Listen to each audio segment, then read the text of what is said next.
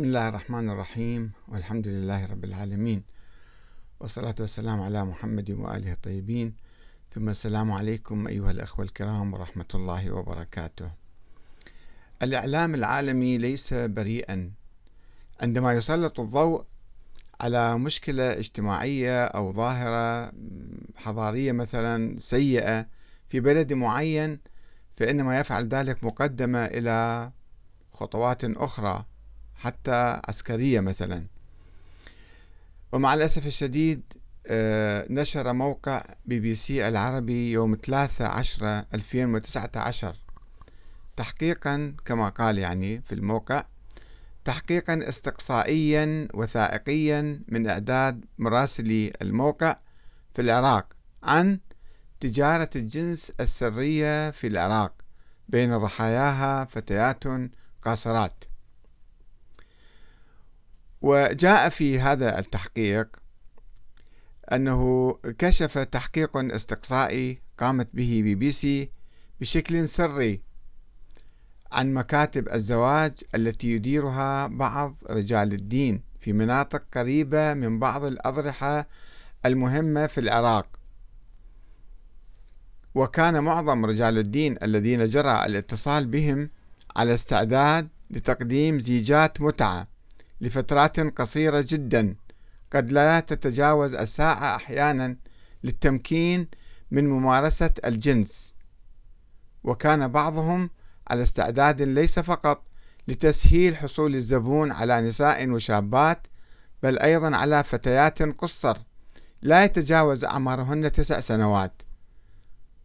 ويشير فيلم بي بي سي الوثائقي إلى أن بعض رجال الدين الذين يتصرفون كسماسرة ويقدمون غطاء شرعيا لممارسات تتضمن اعتداءات جنسية على الأطفال.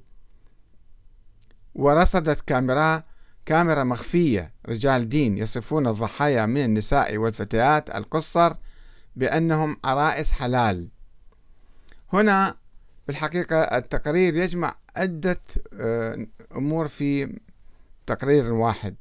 أولا يتحدث عن زواج المتعة. ثانيا آه، زواج الفتيات القاصرات أقل من تسع سنوات. وثالثا في أماكن قريبة جدا من الأضرحة المقدسة من ضريح الإمام الحسين أو ضريح الإمام الكاظم والجواد في مدينة الكاظمية. فهو يضرب عدة عصافير بحجر واحد. وأيضا ربما يضرب المرجعية التي تفتي آه، فتاوى معينة في هذا المجال. ويتحدث هذا التقرير عن آه، زواج المتعة. يقول يعد زواج المتعة ممارسة مثيرة للجدل داخل المذاهب الفقهية الإسلامية وداخل المذهب الشيعي نفسه. لكن بعض مراجع الشيعة يبيحون هذا الزواج المؤقت على أن يدفع الرجل مهرا للمرأة مقابل ذلك.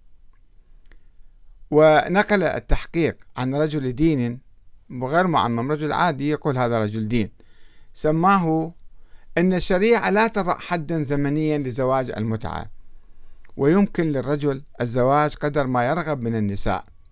ويمكنك الزواج من فتاة لمدة نصف ساعة وبمجرد انتهاء هذا الزواج تستطيع الزواج من فتاة أخرى على الفور.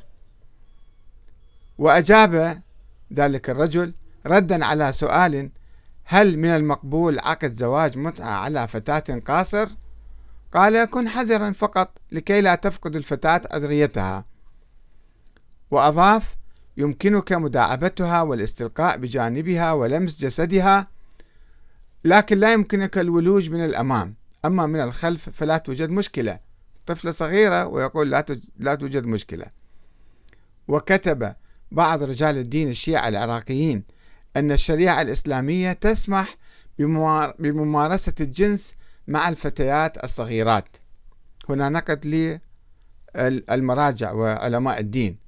ويصف رجلان من أصل ثلاثة من أصل ثلاثة رجال دين صورهم فريق بي بي سي سرا نفسيهما بأنهما من مقلدي آية الله السيستاني أحد أعلى المراجع الدينية لدى المسلمين الشيعة.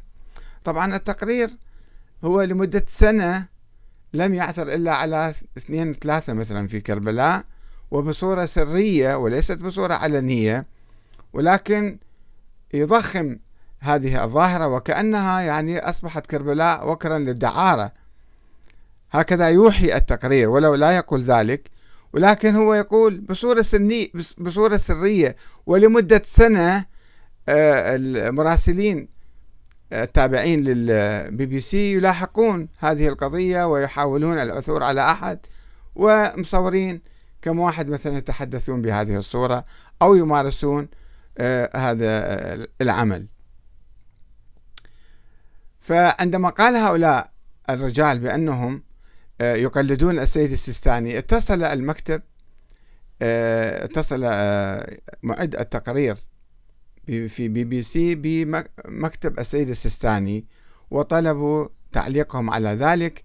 فقال المكتب إن هذه الممارسات إن كان لها واقع كما ذكرتم لأنه قضية مضخمة يعني في الحقيقة. وفي كل بلد توجد ظواهر سلبية سرية أو علنية. يقول إن إن هذه الممارسات هذا مكتب السيستاني يعلق إن كان لها واقع كما ذكرتم فهي مدانة ومستنكرة بكل تأكيد. ومن هو من أتباع المرجعية الدينية حقا لا يقوم بها. والزواج المؤقت الذي يجوز في مذهب الإمامية وكذلك ما يشبهه من الزواج المبني على إسقاط الحقوق الزوجية عدا حق المضاجعة مثل حق السكن اللي يسمى آه، المسيار. لا يسوغ أن يتخذ وسيلة للمتاجرة بالجنس بالطريقة المذكورة التي تمتهن كرامة المرأة وإنسانيتها ولا يتبعها إلا ضعاف النفوس الذين لا يتورعون عن استغلال الدين وسيلة للوصول إلى أهدافهم غير المشروعة. ولكن بالعودة إلى موقع السيد السيستاني باب الاستفتاءات أو الرسالة العملية منهاج الصالحين جزء ثلاثة مسألة ثمانية. وجدنا ما يلي. لا يجوز وطئ الزوجة قبل إكمال تسع سنين دواما كان النكاح أو منقطعا. يعني تسع سنوات يجوز وطئها. وأما سائر الاستمتاعات كاللمس بشهوة والتقبيل والضم والتفخيذ فلا بأس بها. قبل تسع سنين. يعني من هي رضيعة إلى تسع سنين. كل هذا يجوز حسب هذه الفتوى. ولو وطأها قبل إكمال تسع ولم يفضها لم يترتب عليه شيء غير الإثم على الأقوى. وطبعا كما تعرفون هناك بعض الأشخاص في العراق مثلا يدعون إلى تغيير